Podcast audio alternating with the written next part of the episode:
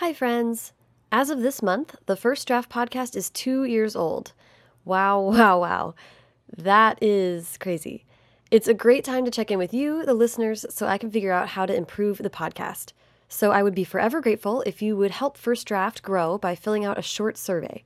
I'm not going to tell you the URL because it's one of those crazy ones that you'll never remember. So find the link to the survey on the First Draft website, Twitter, and Facebook. It's just 10 short questions, and it will go a long way to help me making First Draft better. So thank you so much. Now, on with the show.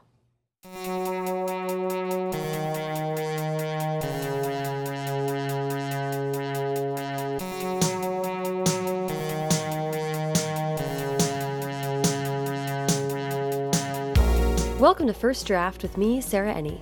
Today I'm talking to Dhonielle Clayton, co author of Tiny Pretty Things and its sequel, Shiny Broken Pieces, out now. She also has a new series, The Belles, due out in spring 2017.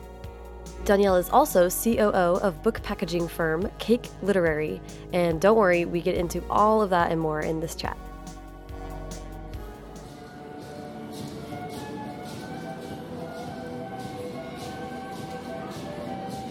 Dhonielle was so sweet to meet me on a brisk New York morning at Jefferson Market Library, which is the most beautiful book castle with marble stairs and soaring spires. We claimed the library's large event space for our own, so if you hear a slight echo to our voices, it's because we were basically in the dance hall from the Keira Knightley Anna Karenina, talking books and diversity and ballet and teen dramas, and well, it was basically a dream.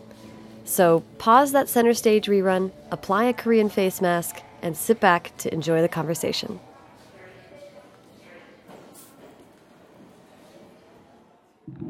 Okay, all right, I think we're ready. How are you doing? I'm good, thanks. Oh my gosh, I'm so happy you could meet me. Yay. We are in the fun event space of a completely gorgeous New York library. Is this your favorite library? This is my favorite branch. The Jefferson Market branch is just full of love. It's so beautiful. It used to be a courthouse, is that? Or a church? I don't know what it is. It does seem more more more like I don't know, like a cathedral type of vibe. Yes, it's very strange. But it's near the new school where I went to grad school. Yay! So it was a spot for me to come and read and get work done Yes. before morning class. Upstairs, people were very studious upstairs. um, well, let's get into the bio a little bit, which is the first question is always where were you born and raised? I was born and raised in Olney, Maryland, which is a small little town that's near Gaithersburg. So it's about 40 minutes from DC and like 45 minutes from Baltimore. Yeah. So horses and farms and cows. Yes, green, rolling green. Yes. Um, I lived in DC for a while, so Oh, I know only a little bit. Um, did so, and you there all through high school, all that stuff. My whole life, That's born and raised, awesome. kind of country. Um, uh, where were writing and reading when you were a kid? Were you always? I was a bookworm. I loved to read. I went to the bookstore with my dad every single Saturday because he's a book nerd. And we would go to the comic book store and a bookstore called Crown Books, which no longer exists. Oh. And we would go every morning, um, every Saturday morning. We'd get breakfast and then we would go off on our nerdy adventures. And I was spoiled. I got a book every week. That's amazing. And I had, you know, my library card and school library and all of that. So I would sit under my grandmother's dining room table because it had like a beautiful lace covering mm-hmm. and then the light would come in and I would like have my lemonade and my cookies and my blanket and like that's where I lived. Aw. And my dad did the same thing when he was a kid. So it was kind of like I just was a bookworm. That's neat. I like that it's so tied to sort of like family and tradition for you. Mm-hmm. What I'm really curious about the fact that you went also went to a comic book store. Yes. Were you? What kinds of books were you reading? Uh, I loved. My dad is a comic book nerd, so I was just reading the stuff he was reading, and also I was just really into X Men. So I collected the cards, I read all the comics, and then he has. He's one of those nerdy people that has them in sleeves and like protects them. So I was just reading what he would let me read, and it was just kind of our tradition. We would go to Crown Bookstore, and then we would go to his comic book store, and I would always be able to leave with you know something. Yeah. Did you? So have you kept up with the comic books? Because it's not like X Men went anywhere. No, I did not. I fell off about probably when I was 13 or 14. Okay. And then I was just like nose in, in books. I just didn't, he wasn't going as much, and I was just Mm-hmm. devouring more books. Regular mm-hmm. novels. Exactly. So, so where did you go from high school? Where did you go to school after? I went to Wake Forest, which is in North Carolina, a small town. Another one. Keep following these small towns in Winston-Salem, North Carolina. Mm-hmm. And I got my BA in English. Mm-hmm. And I struggled to read there because we were reading a lot of dead white guys. And I was just finding it hard to connect. So I think it was my sophomore year or my junior year. I went back and started reading children's books again mm. because I had to find the love of reading in order to get through all of the massive, you know, really th- boring things that, that, you know, were the things that were on the syllabus. Yeah. And I returned to Harriet the Spy and The Phantom Tollbooth and A Wrinkle in Time and books mm-hmm. like that where I was like, yes, this was the magic. This was what reading was for me as a kid. Yeah. And then that's why I got interested in children's literature. And I knew immediately I need to get my master's in children's lit. I want to just read Wow. the entire canon again. Again. Again. I'm going to revisit that because that's where magic and reading connected. And in college, they didn't connect. Yeah, yeah. Well, I'm curious about this the the choice to sort of while you're in the middle of, of reading for classes and everything, the conscious rec- like the recognition that like why isn't this working? Like like sort of the mm-hmm. feeling of like reading isn't happening anymore. Why is this? And then figuring it out. Well, I think because when you get at certain liberal arts schools, the, your bachelor's in English, they spend a lot of time on European literature, but not mm-hmm. even like Eastern European or like Italian or anything that's, you know, it's always British. Yeah. And I love British literature, I do, but when you have three semesters of it, how, you know, how much Shakespeare can I read? I've read everything, I've read all of it. How many times can I read these same plays over and over again?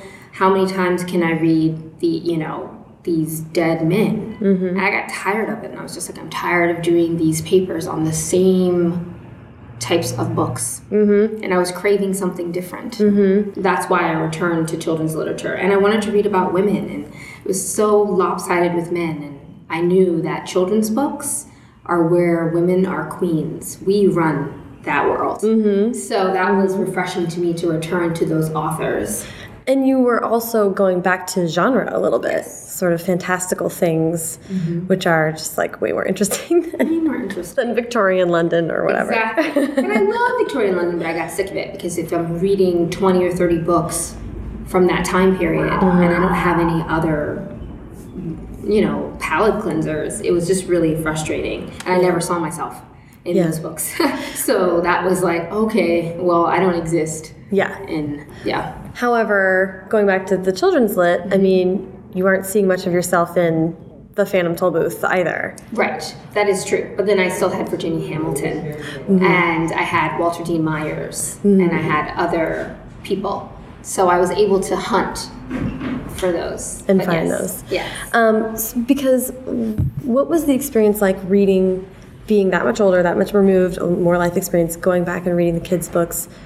Was that when you started to think that you wanted to actually engage in that as a participant of that industry? Yes, because I never thought I was going to be a writer. I mean, I loved writing stories, and I loved, you know, my mom would tell me about the stories that I would write and all of those things. But I was really a reader, always been a reader. And going back and rereading things, especially things that didn't hold up, where I was like, oh, this is not as good as I remember it to be. And when I couldn't find myself in those fantastical stories that I just loved, Yeah. I was like, I need to, I need to try to write these stories and write myself into existence Yeah. and yeah. write for the little seven, eight, nine, ten year old that I was. Mm -hmm.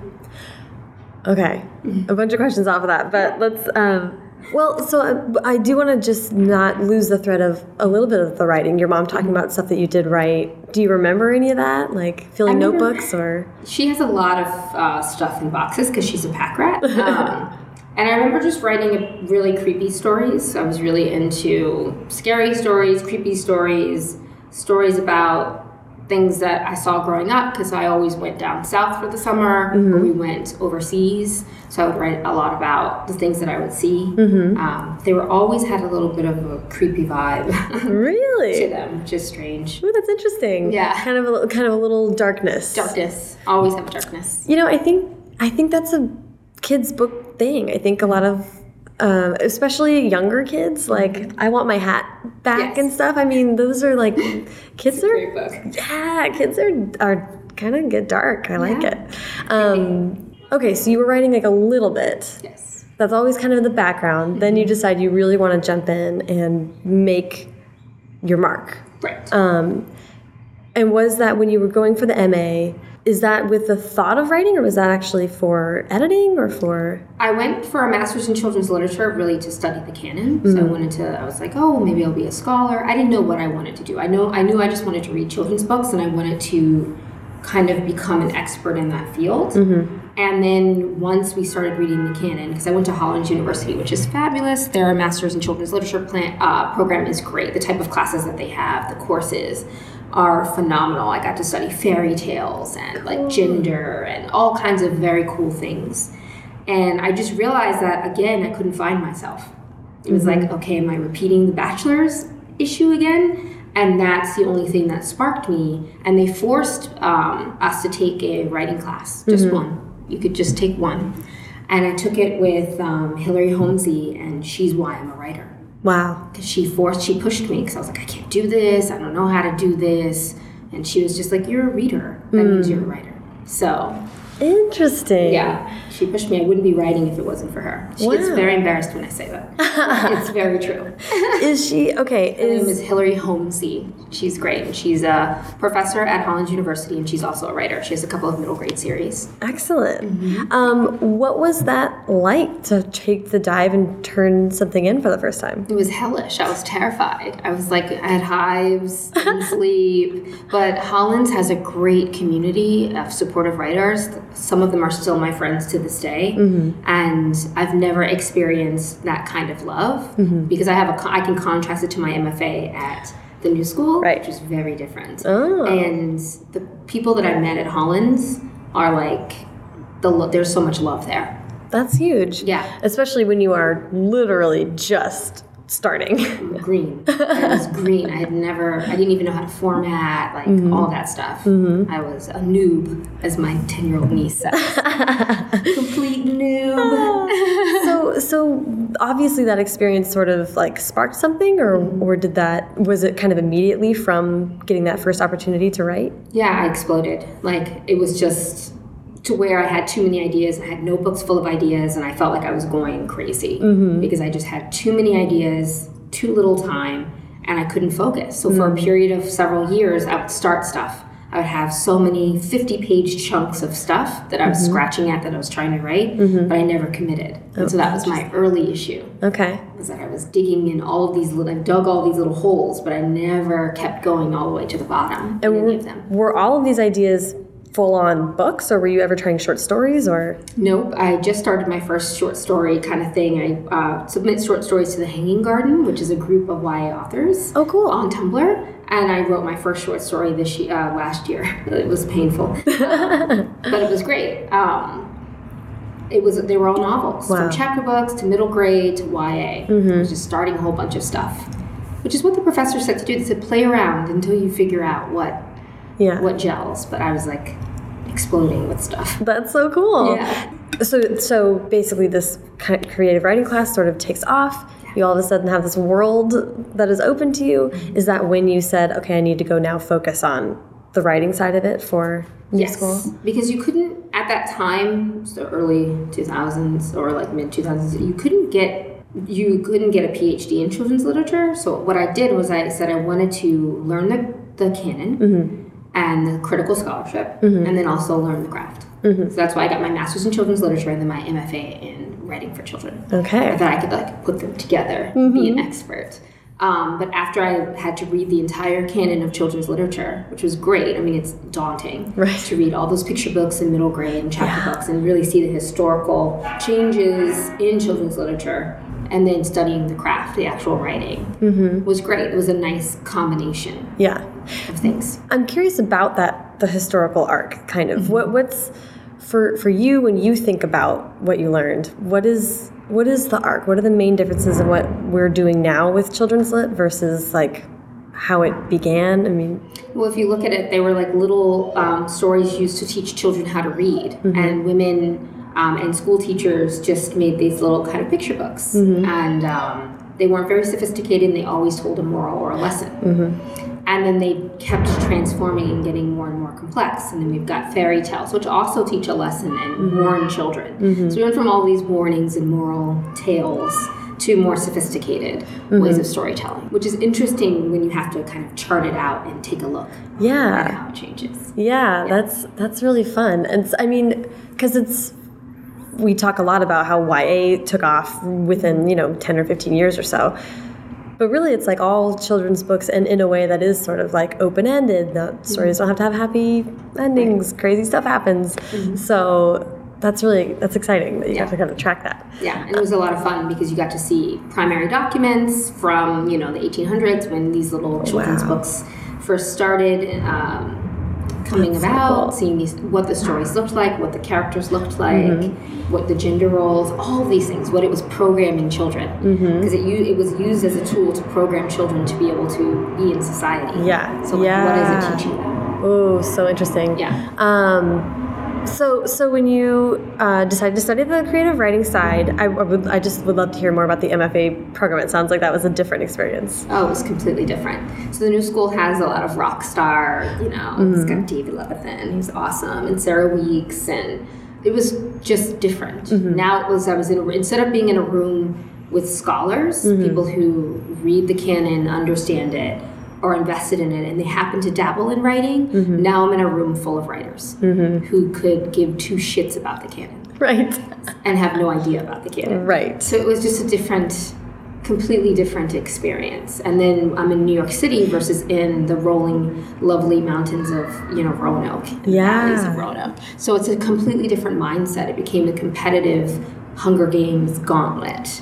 Intense. Yes, Well- super intense. Yeah, I'd love to mm-hmm. hear. I kind of want to hear both aspects actually about the move to New York City and about a total paradigm shift in like what you're going for. But but it sounds like also you grew up traveling a lot. Yes. So it's not like you were only in the rolling hills. But Right. but what was it like to move to the city for the first time? It's it's huge and intimidating. Right. I was living actually in Paris, and then I came home the year uh, President Obama was elected. I was like, I need to be in America. There's a brown president. Um, and I Wait, what brought you to Paris? Just to frolic. Like I'm a frolicker. So my parents, I have a travel bug. Sometimes I get tired of being in America, mm-hmm. so I like to save my money and then leave for like a year or a year and a half or whatnot.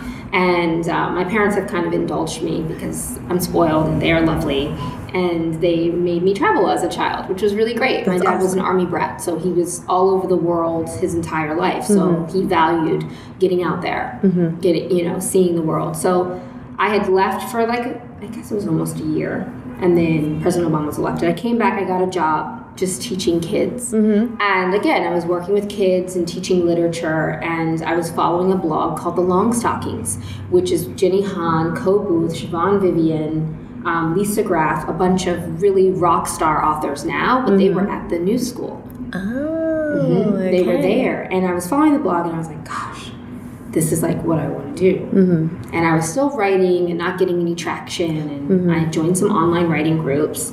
And my mom was like, "If you're gonna do the things that you want to do, you know the city you need to be in. Mm. Plus, you're bored being in back home." Right. So she like So when you came from Paris, you went back to Ma- Back uh, home. Maryland. Yes, back to Maryland. I got a job in Virginia Oh, an okay. apartment in Virginia, which is really close. You can just, you know, it's the DMV. Right. Um, and she was just like, you got to go where you got to find your tribe. You got to Mm-hmm. go where the magic is because you know there's magic in Paris. I had been living in Japan before. You know, I found these places where I just loved it. Yeah. She was like, the only place that's going to satisfy you is New York City.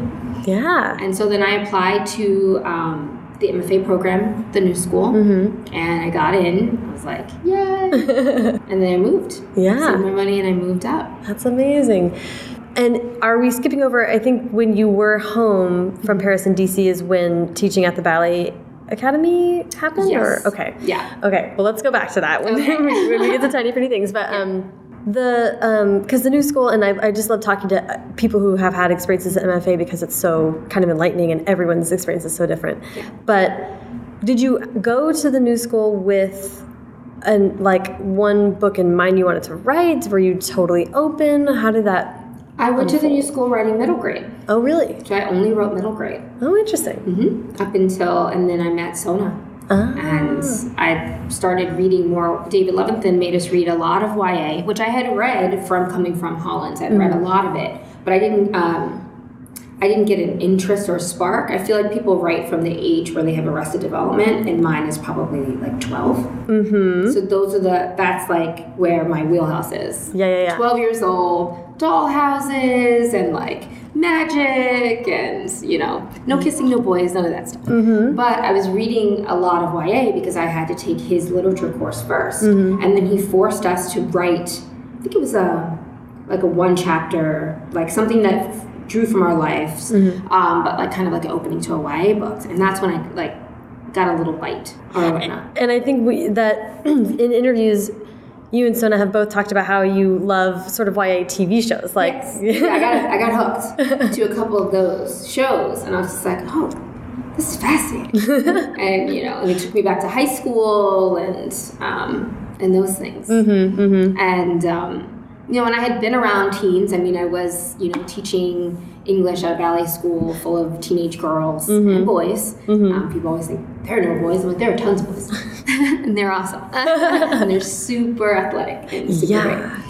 Yeah, so I'd been around a lot of teens, and I was like, oh, well, maybe. kind of speaking to you in a different way. then. Right, but I really started out middle grade. Well, and I think I do. I really want to talk about the Arrested Development concept, but also um, the fact that you love genre so much. Middle grade is such fertile ground for for just fantastical things. Like Yes. it's sort of somehow easier to build that within that kind of age range, which is I'm not even sure why that is, but Oh, because I feel like middle graders will follow you anywhere. Teens can be a little bit snobby about what they want to read yeah, because they're burgeoning adults. But a middle grade kid, he'll follow you anywhere if it's a good story. Mm-hmm. You know, if it's good, if it's funny, it all depends on what the kid likes. Yeah. But they'll follow you down any crazy path you lead them. interesting. Their minds, I feel like, are bigger. than Yeah. Teenagers. I heard, uh, and, I, and I'm not going to remember who it was, but it was someone talking about that in middle grade, it's looking, you're sort of at the phase of development where you're looking out and thinking, how do I fit into the great big world? What is the great big world and what are the boundaries of it? And then the teenagers are like navel gazing and like, how do I fit in within myself? All this Me, kind of me, stuff. me, me, me, me, me. Yeah, yeah, yeah. Yeah, yeah. And maybe one boy or whatever, whatever your interest may be. Yeah. Um, yeah, that the um, the fantasy stuff is what really speaks to me about middle grade too. So I, I can relate to that. But I would love to hear about the arrested development phase because I talk to a lot a lot of people who travel a lot and a lot of people who've had really formative experiences at some point in their childhood. And yeah, it seems like we circle around it. Yes, and so we, my family was traveling a bunch, especially when I was in middle school and upper elementary school, mm-hmm. and that was kind of a lot of fun. Mm-hmm. I remember like used to smoke on airplanes, and I remember sitting with my dolls and like smoke coming over me because people could just sit and and smoke cigarettes. So my strongest memories are from that 10, 11, 12. Um, and I think that that's where I draw a lot of inspiration from. My high school, I probably blocked it out because I was pimply, gross, and, you know, like just all over the place. and so I like blocked that out, but I can remember lots of chunks of time from my upper elementary school and middle school Yeah. time period. Why do you think?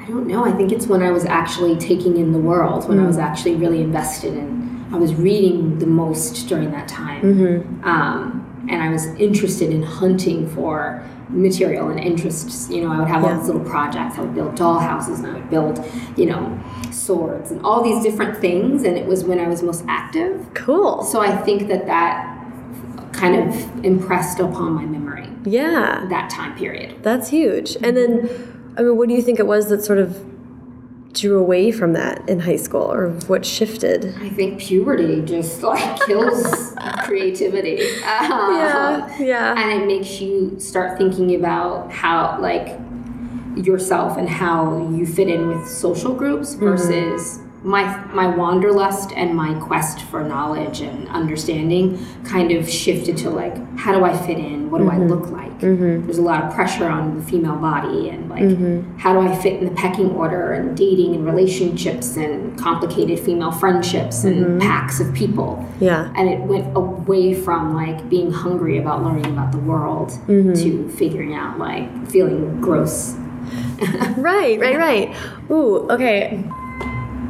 Let's come back to that because that ties into a quote that I read from you. Whatever, we'll get to that. But because, like, we're gonna, this is all gonna loop together. Um, because I don't want to skip over the timeline of give, uh, meeting Sona and Yeah. getting tiny, beautiful, um, tiny, pretty things going. So uh, I know you've told us a hundred times, but give me the story.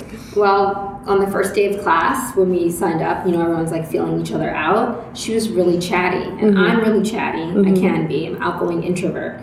And we just started talking a lot.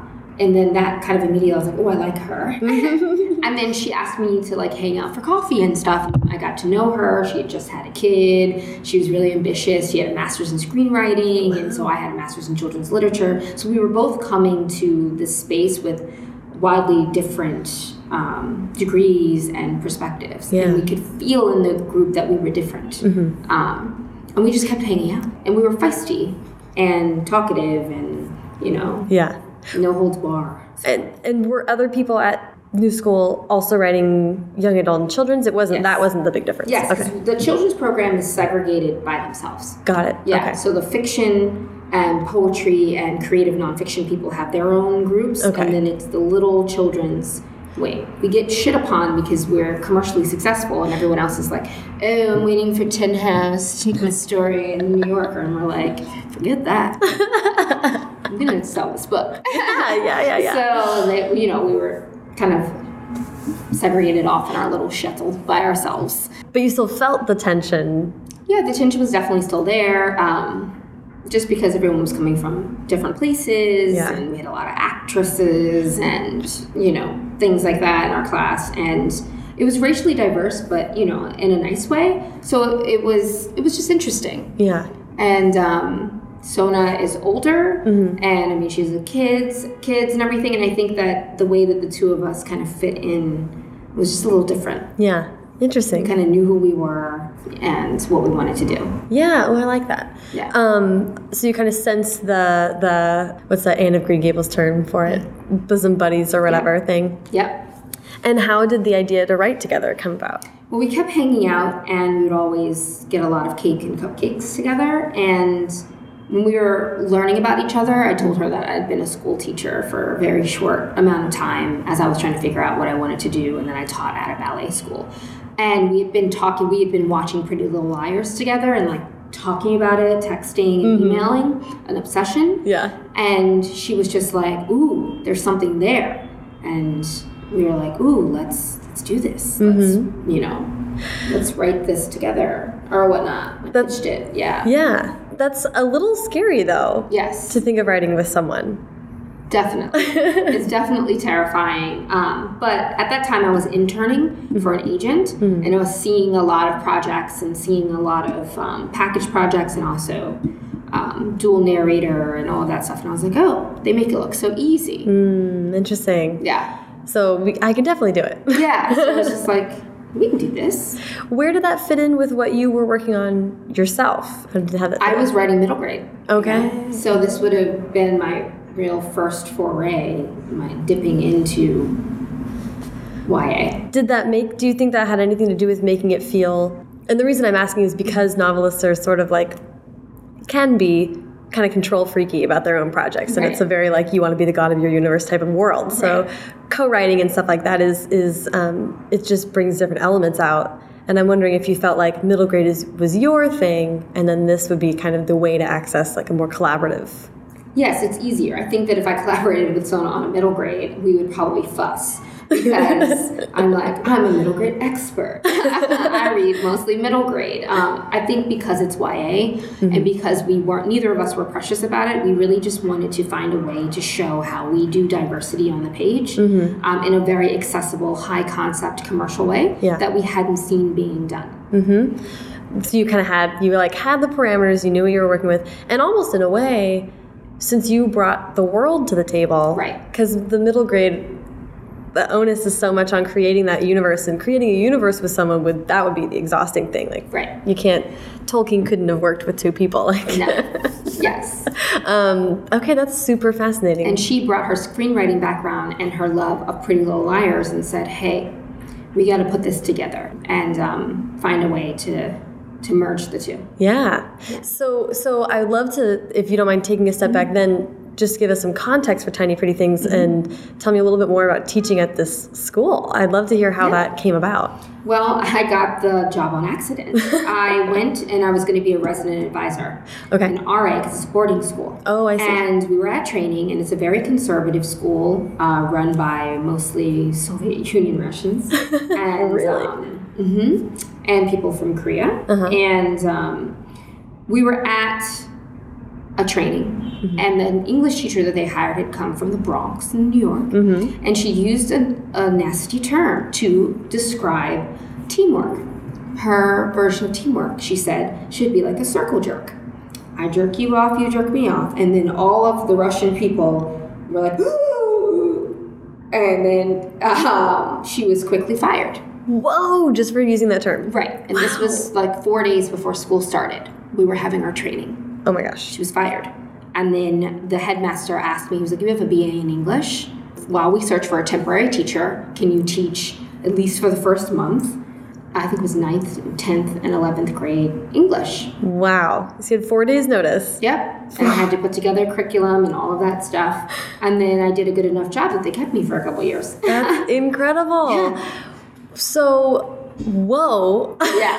So I didn't get my job. Like, it was just like fate. That's amazing. Yeah. What was that like to this was was that that was the first time you were teaching full on English Mm-hmm. courses. First time I was teaching. And for teens when really your focus was on younger kids most Right. up until that point. So I'd love to hear how that went. What was it like looking at the books? How were the kids? It was scary, um, but they were only there to focus on ballet. So they could give two shits about their academics. They had to have the academics Right. so that they could graduate from high school because a lot of my girls and boys just went on to dance. They didn't go to college Right, right, right. because they had no interest in that. Right. So we had to give them a basic education. Mm-hmm. So a lot of the books I had to use were just from the canon. And in high school, they don't read YA. They Right. read Of Mice and Men mm-hmm. and um, Catcher in the Rye and Great Gatsby. Great Gatsby. Yep. I had to teach all of those. So you're going back to undergrad. I had to go right back to that place and teach those books. huh. But um, it was fun because the classes were really small Mm-hmm. um, and we could have a really personal uh, Yeah. communication. What was it like?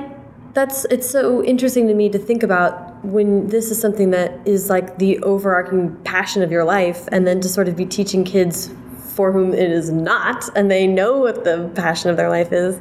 What was it like to try to bring the joy of reading to them, however you could? Well, it was like dragging them kicking and screaming. So I just made things, I always gave them the option to have a creative project because they're creative bugs. They're not mm-hmm. interested in analyzing literature. Right. So if they had an option to do something creative, to make mm-hmm. videos, to make sculptures, to really tap into that other side, mm-hmm. they were much more willing to engage with the text. That's so interesting. And we did a lot of reading out loud because, again, they would dance like six hours a day. So by the time they got to me in the afternoon, they would be exhausted. Yeah. So I would read to them, and it was an, a way to also bring them back to when they were children and being read to, mm-hmm. which makes an access to literature more comfortable, Yeah, and more like soothing. soothing. Mm-hmm. Oh, that's so interesting. And I love that's such a good point that of course these kids are not just creative with their bodies, but they're that comes from just sort of being someone who sees the world in technicolor.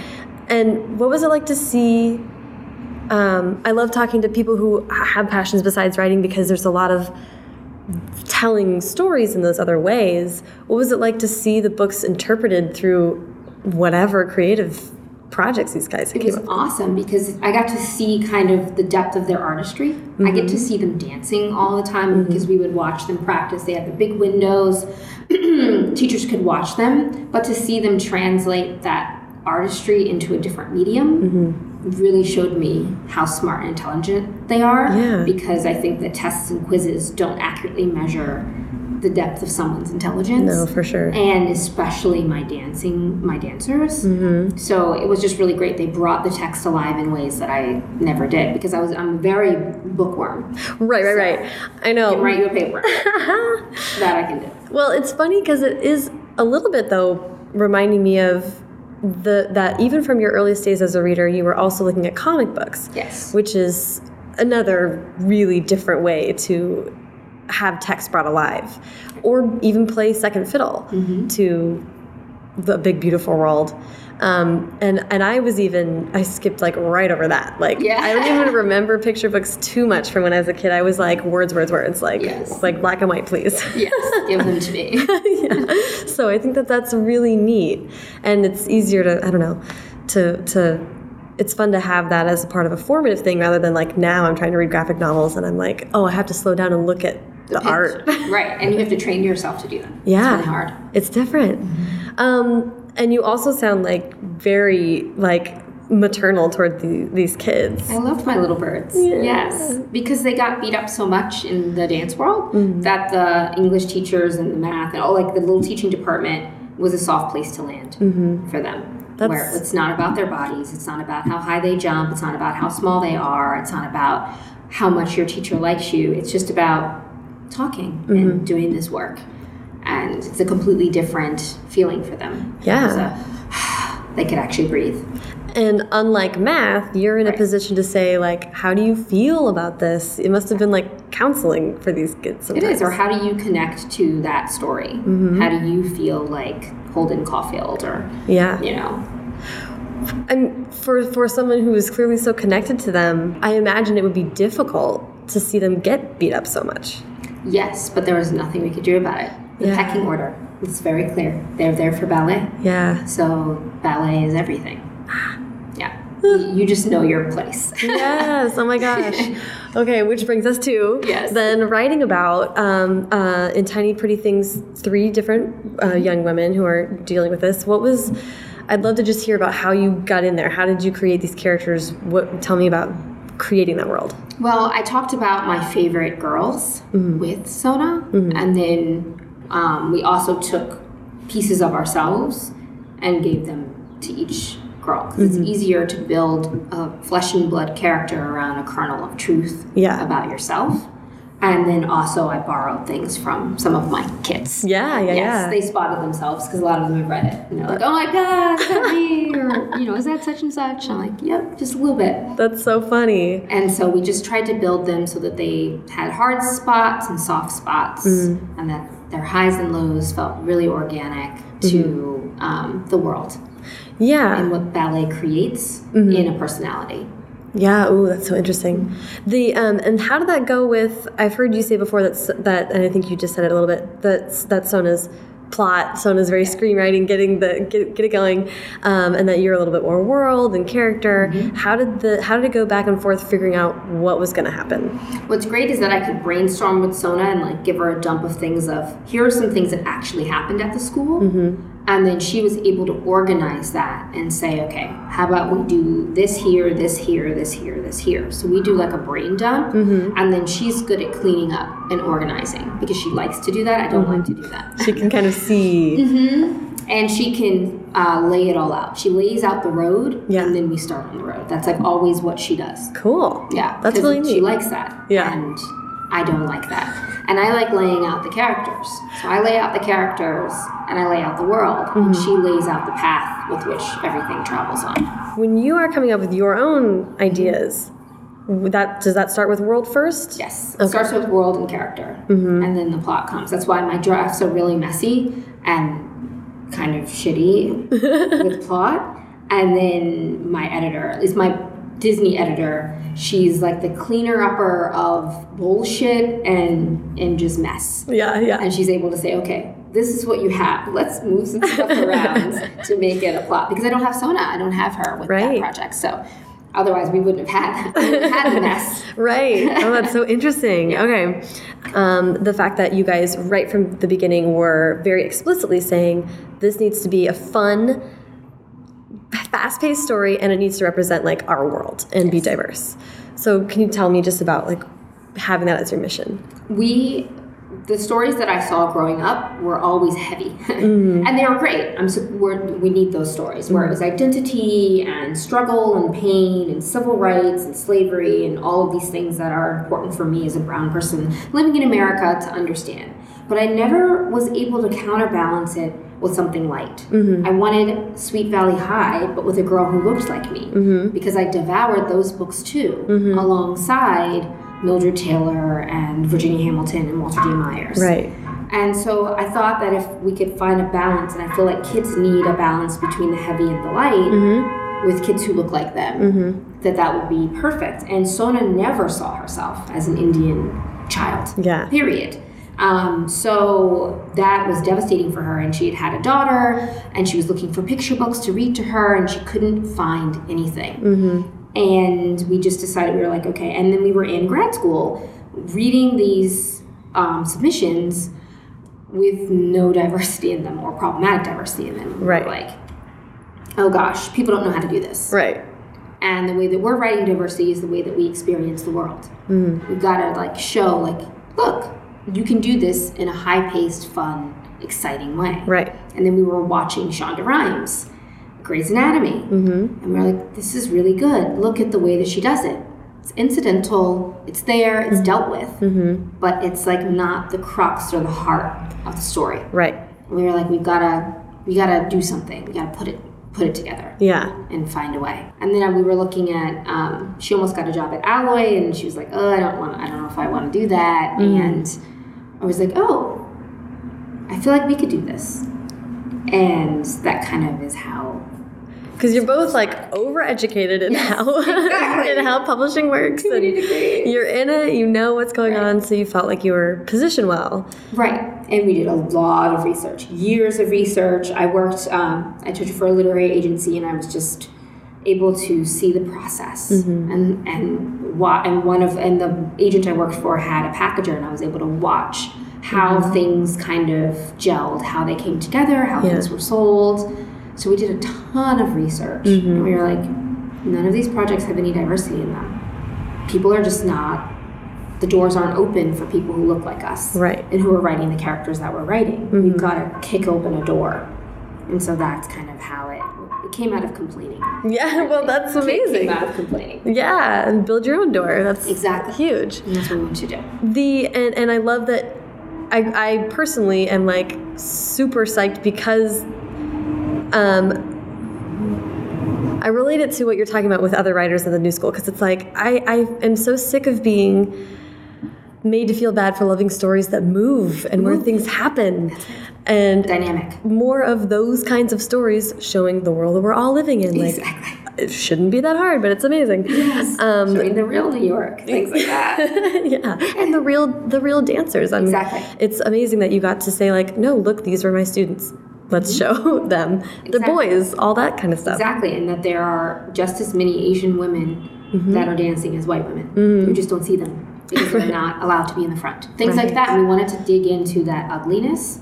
Um, but also, it's still just a story, Mm-hmm. and it's that's not the arc of the story. It's a piece of the puzzle. Yeah, and we just hadn't seen that done in books that moved and Yeah. that were juicy and had kissing in them and drama Mm-hmm. because every girl wants drama and i was working in a library at that time and that's what the girls were saying to me well where's the drama i just want drama Mm-hmm. but i want drama with girls who look like me and they were, i couldn't give them anything yeah. Ooh. so that was frustrating It's powerful to be able to be someone that works with kids and then be like, I know this is what they want. right Because I think there's a somewhat of a divide. Yes, there's a huge divide because we're the only market that doesn't test out with kids. We don't ask our consumers what they want. We do it for them. Publishers don't ask kids what they want. They Right. don't do test runs of copy of, of um, covers and stuff like that. They just do what they want to do. And I think if they talk to kids, they would find out more about what works for them. That adults are always in control of children. Yeah. So Hmm. I know we're asking what Barnes and Noble wants. exactly, Boo. exactly. Um, so um, I'd love, if you don't mind, a little bit of just the spin on cake. How does it work? Give me the, the structure. skinny. Um, Okay, so just how it works. Yeah, yeah. For people who are listening who are like, I want to be a part of this. Okay. What does so, that mean? So, just like with Alloy or Paper Lantern Lit or Full Fathom Five or the Story Foundry, um, we package books. So the way we do it at Cake might be a little different than the other packagers that I've just listed. Um, Sona and I come up with an idea, a pitch, a synopsis, a fully fleshed out outline, character treatments, all of that. Mm-hmm. We find a writer and we match. We mm-hmm. don't do auditions. We talk to writers. We read their stuff. Mm-hmm. We get a feel for them and their goals too. Um, we match the background of the author with the background in the text because we're very committed to own voices as well. And then we pay them in order to to write, give them a series of Right. Um, and also, they're working writers, so we're paying them while they're creating those pages so that they can mm-hmm. also pay their rent, which Yeah. is a huge problem because it's it's a luxury to write on spec, and not everyone has a privilege to write on spec. No. Yeah. So we decided that we didn't have that luxury to write on spec, mm-hmm. so we would want to pay our writers. And then we enter into a profit share. So mm-hmm. once the book is finished, and our agent Victoria Marini at ICM will read it, give edits, we'll continue to edit, and then she'll send it out and do her magical thing that she does. And uh, then we do a profit share of whatever comes in. That's amazing. Yeah. Um, yeah, being dedicated to paying upfront is enormous. Yes, because we realized that the whole packaging game, the reason why it looks the way it looks is because it's full of writers that have the luxury to write on spec. And when you don't have that luxury, when you need to be paid per word or paid a chunk, yeah. you can't even enter that game. Yeah. Yeah. And that's a huge issue in our industry is who gets access, who's able to get in. Yeah. And we wanted to be able to help. Someone helped us reach back, help other people get in. Yeah, that's amazing. The and it sounds like this is sort of an outlet for you as someone who is filling notebooks and notebooks and notebooks of ideas. Yes, yes, it is. It's funny because Victoria is my third agent, third time's the charm. and my first agent, she left the business and she was like, when I told her that I was launching cake, she was like, this is exactly what you need to do. Because you had so many ideas and your manuscripts were full of everything but the kitchen sink. Mm-hmm. Now you can really feed off of all of those ideas and take out those notebooks and Yeah. really create things and give other writers opportunities Yeah. to write them. With Sona's help, so you Yes. guys are still in that same way engaging Yep. Mm-hmm. with story and building, and then you can see it come to life. And it's really fun because my weaknesses are her strengths Mm-hmm. and vice versa. So it's really nice to have someone I don't have to worry about, you know, plot so much, the murky middle. Yes. Because Sona will fix it. She will work it out. She knows. She knows how to mm. do that three act structure and she just it's intuitive to her where it's not intuitive to me. Yeah. Oh, that's so, that's- neat. The with cake. Besides the fact that you want, want fast stories and diversity, are there any other like genres or themes, or are there things that you want, want to focus on outside of that? Well, we have what we've developed now are several imprints within cake. So we're because we want to come at it from several different angles and continue our cake metaphor. so we have baby cakes, which we're going to be putting out some picture books and, um, of course, like chapter book series because we're finding that children need access to diversity early on. They need to see themselves really quickly once they're seeing words. Yeah. Otherwise, we develop a white default. So that's like one thing. And then we have Cupcake, which is our middle grade imprint, which is like classic middle grade, which is mm-hmm. what we've sold two projects in that one announced and another one is coming. And then we have our regular cake, which is our YA. And then we're going to branch into uh, women's fiction and new adult. Cool. Something called layer cake. So. Ah, I love it. I love Yeah, that. and That's so and Sona came up with like all the, uh, the cake. She called it cake because we would always eat cake, Mm-hmm. and also everyone loves cake. And if we only had to eat one flavor, it would be gross for our whole life. And cake is much better when it comes in a variety of flavors, which is like Oh, that's really eloquent. And making a book is sort of like making a cake. It has Mm-hmm. many ingredients, so that's kind of where the idea came from. But we're really interested in branching out and coming at the issue from several different vantage points Mm-hmm. because we think that we and also we want to help launch people's careers within those groups. Yes, that and that was going to be my next question. Is that um, that I love, and I, and you mentioned this in another interview that I read with you, that it's sort of this is sort of a form of of mentorship as well, the reaching back and all of that. So I mean, how does I- I'd love to just hear you talk about what that what role that's playing for you. Well, we just want to help other writers get into the business. Mm-hmm. Other writers from communities that don't aren't represented well. Mm-hmm. So the mentorship is fun because then we we're able to help someone from start to finish. Yeah. They can see, oh, this is how you put together a book. Oh, this is what the outline my pitch, all of this. So we teach them how to do that. And then also coach them through the writing. Yeah. So they actually finish something. 'Cause Yeah. a lot of writers like, you know, spin their wheels and they don't get it finished. Mm-hmm. And then we also help guide them through the process of selling. Okay, this is what it's like to work with an agent. Mm-hmm. This is what a submission look, list looks like. This is what contracts look like Yeah, yeah. things like that. And then that way, when they're ready to go off on their own, we can say, okay, these are the contacts you've built, you've got us. Let's look at your query letter. Yeah. And here are some references and referrals, and we'll help you find your agent. And you can use the cake book that you sold, that we sold, as your launch pad. Mm-hmm. And we just want to create little launch pads for people. That's amazing. Yeah. I love that. We're committed to that. Let's talk about Belles. Okay. I'm worried. I don't want to get kicked out before we get to talk about Belles. Um, so I'd love to hear about when, where in the process did this come to you as an idea that you were like, "Ooh, I want this. This is mine."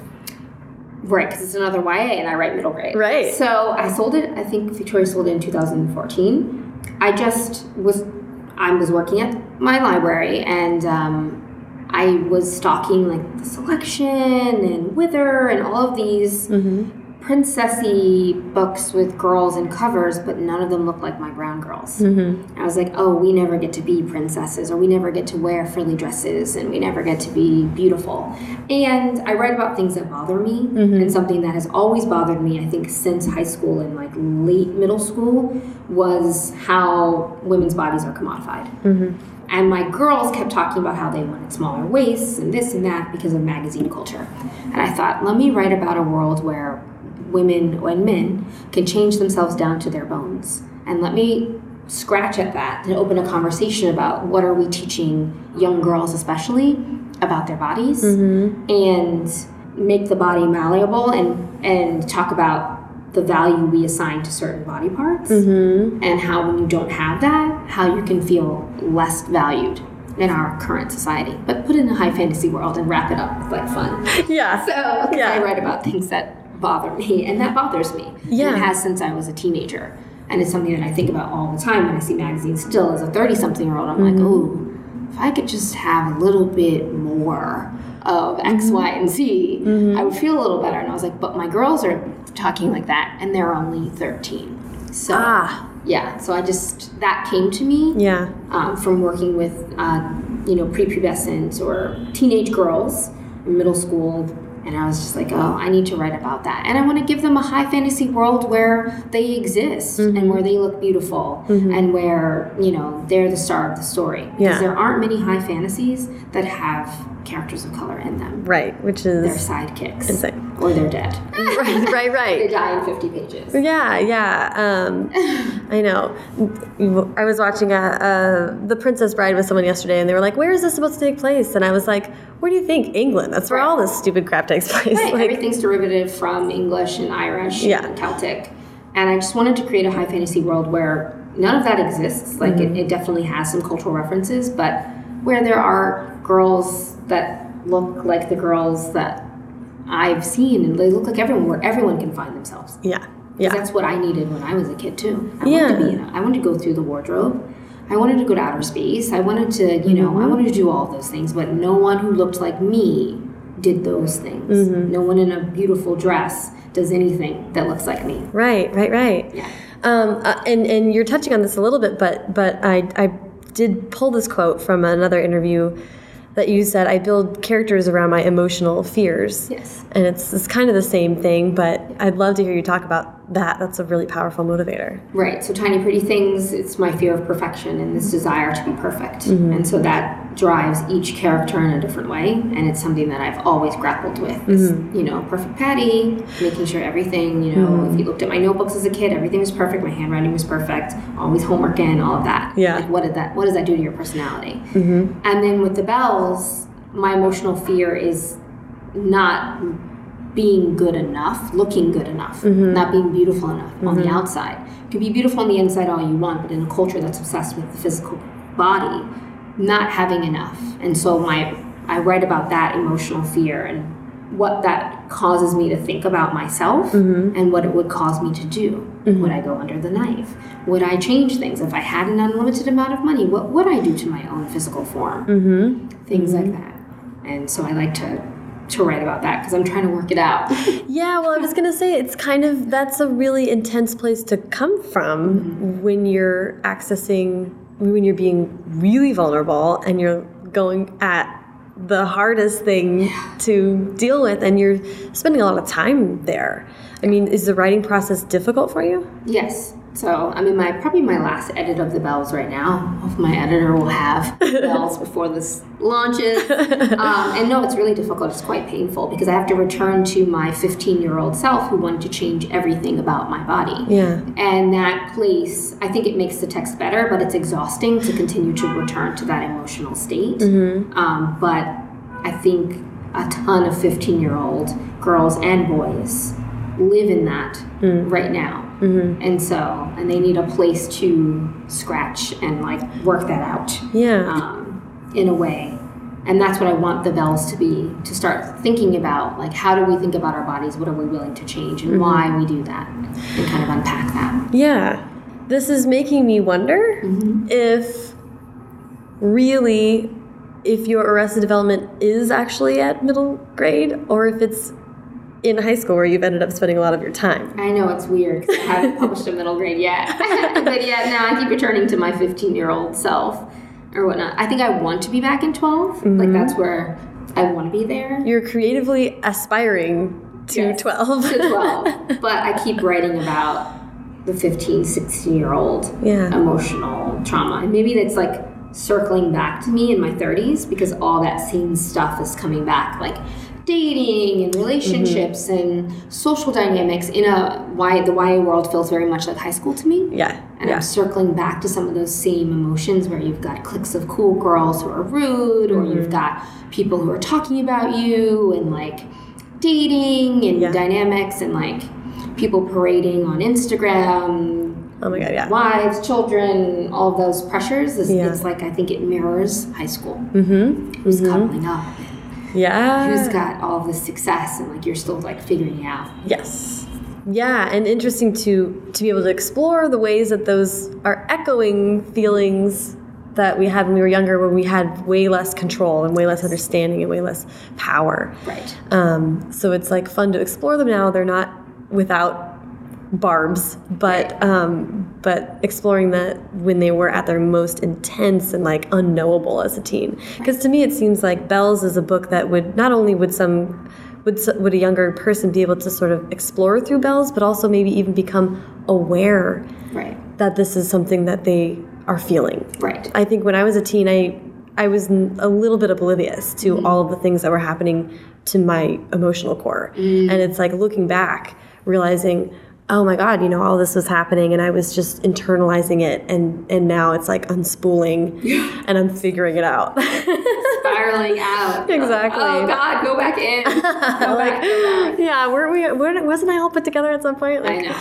Um, it's it's, but that's so interesting to me that you sort of.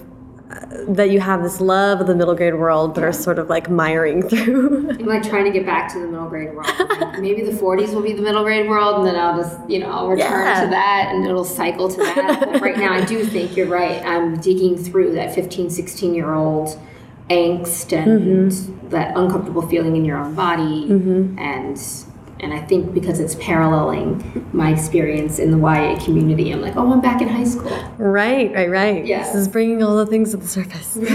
Oh, God. triggers. um, that's that is so so interesting. Um, uh, so I'd love to hear writing advice, and maybe from.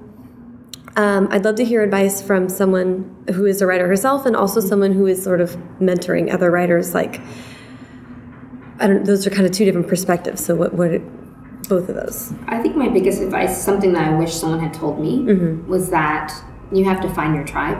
Not everyone gets your writing, not everyone likes your writing, and not everyone likes you. Mm-hmm. When you find your tribe, and I found my tribe with We Need Diverse Books, like my crew of peeps.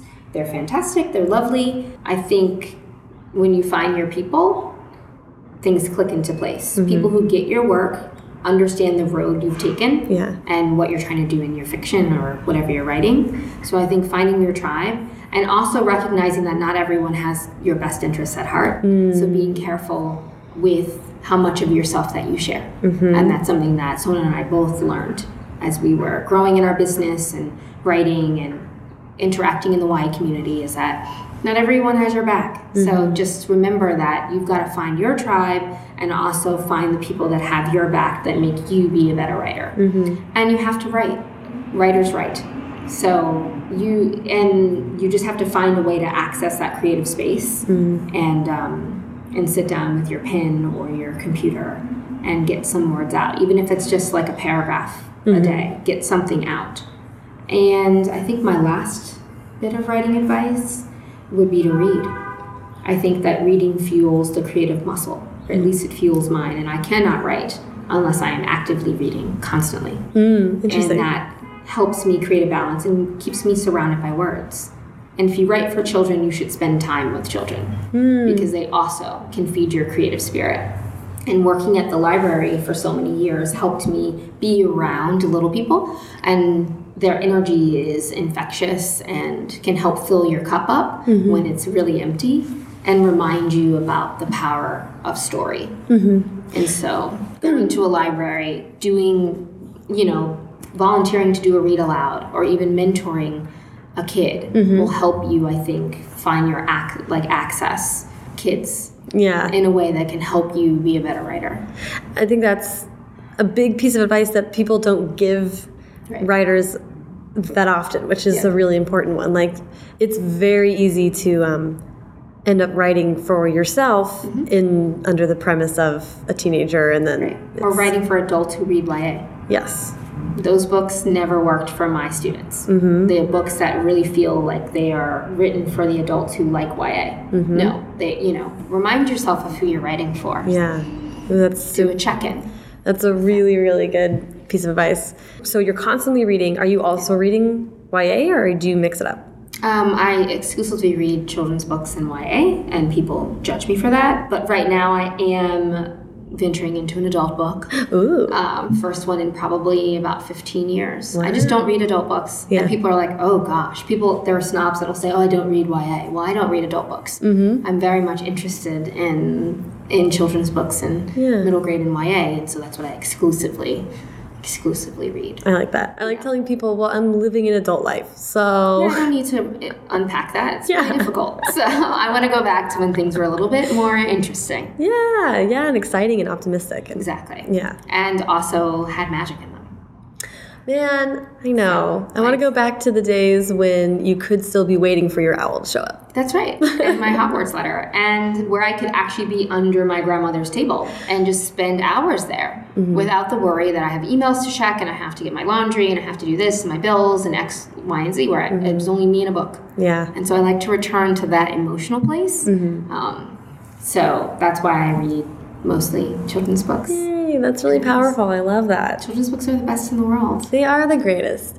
Yay. Yay. I love them. And so I do love being part of creating them. Yeah. Creating magic for kids. Yeah. Something that they, I remember, I can still re- remember reading Bridge of Terabithia.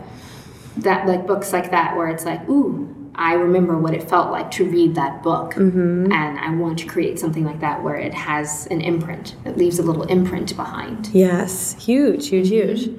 Um, well, thank you so much, dude. This Yay. was so fun. This was awesome. Yay! We did it.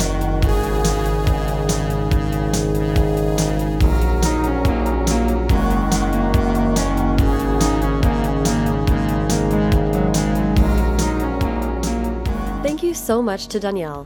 Follow her on Twitter at Brown Bookworm and follow the show at First Draft Pod and me at Sarah Enni.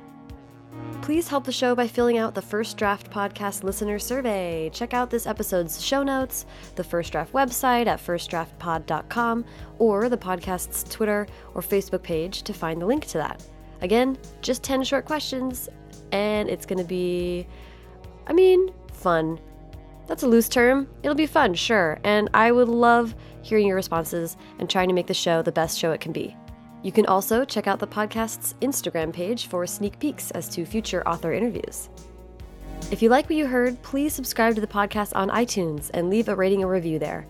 Every five star review helps me channel my inner Misty Copeland while dancing around my house. Thank you so much to Hash Brown for the theme song, and to Colin Keith and Maureen Goo for the logos. And thanks to Sarah DeMont, the fairest first draft intern in all the land. And finally, as ever, Thanks so much to all of you on point ballet domains for listening.